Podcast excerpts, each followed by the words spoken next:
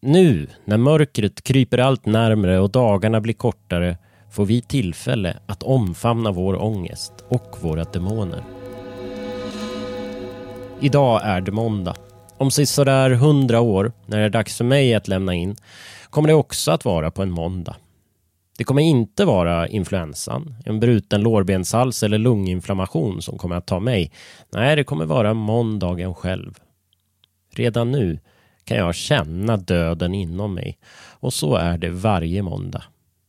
Den lurar där inne, de sovandes broder. Memento mori, säger hen om och om igen. Tjatar. Sen, lagom till tisdag morgon, är döden borta. Puts väck.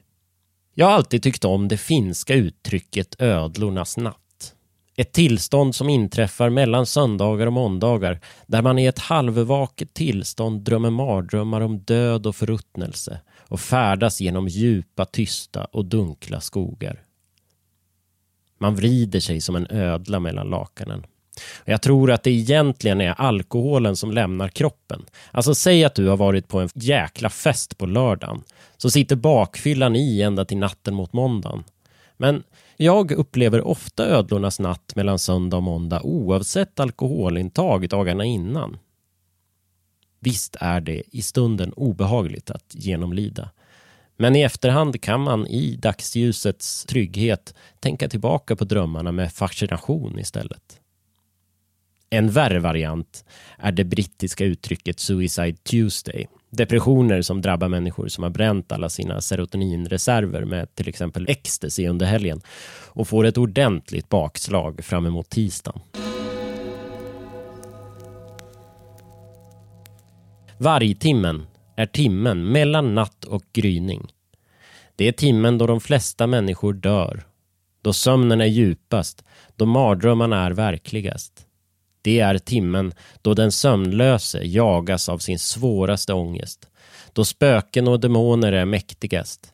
Vargtimmen är också den timme när de flesta barn föds. Det där var förtexten till Ingmar Bergmans enda riktiga skräckfilm, Vargtimmen. Den handlar om Alma och Johan Borg som har flyttat ut till en ö i skärgården för att få lugn.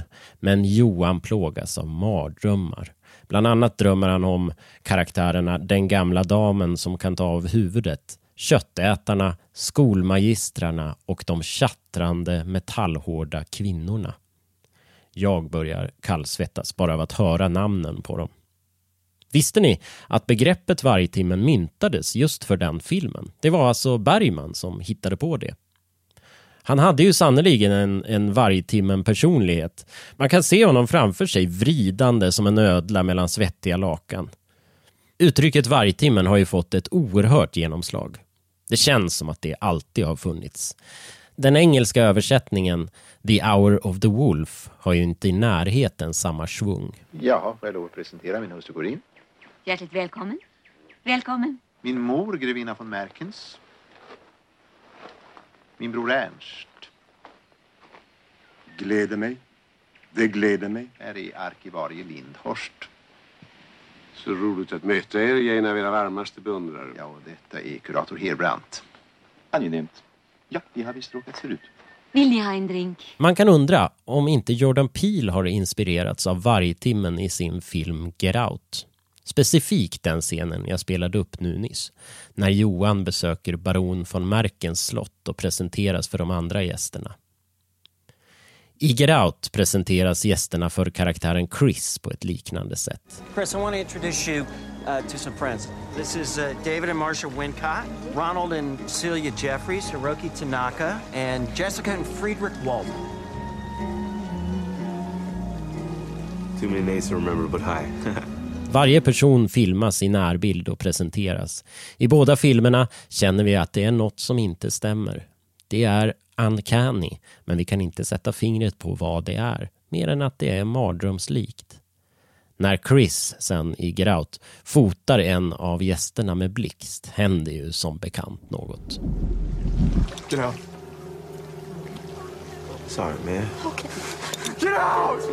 Yo!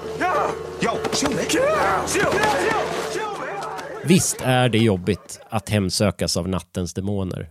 Men när manusförfattare och regissörer lyckas överföra det mardrömslika till filmduken känner i alla fall jag att jag får tillbaka lite av makten från demonerna. Dels får jag känna att jag inte är ensam där i varje timmen. Det finns många andra som i just samma stund vrider sig som ödlor mellan lakanen. Och dels har jag ju fått kontrollen.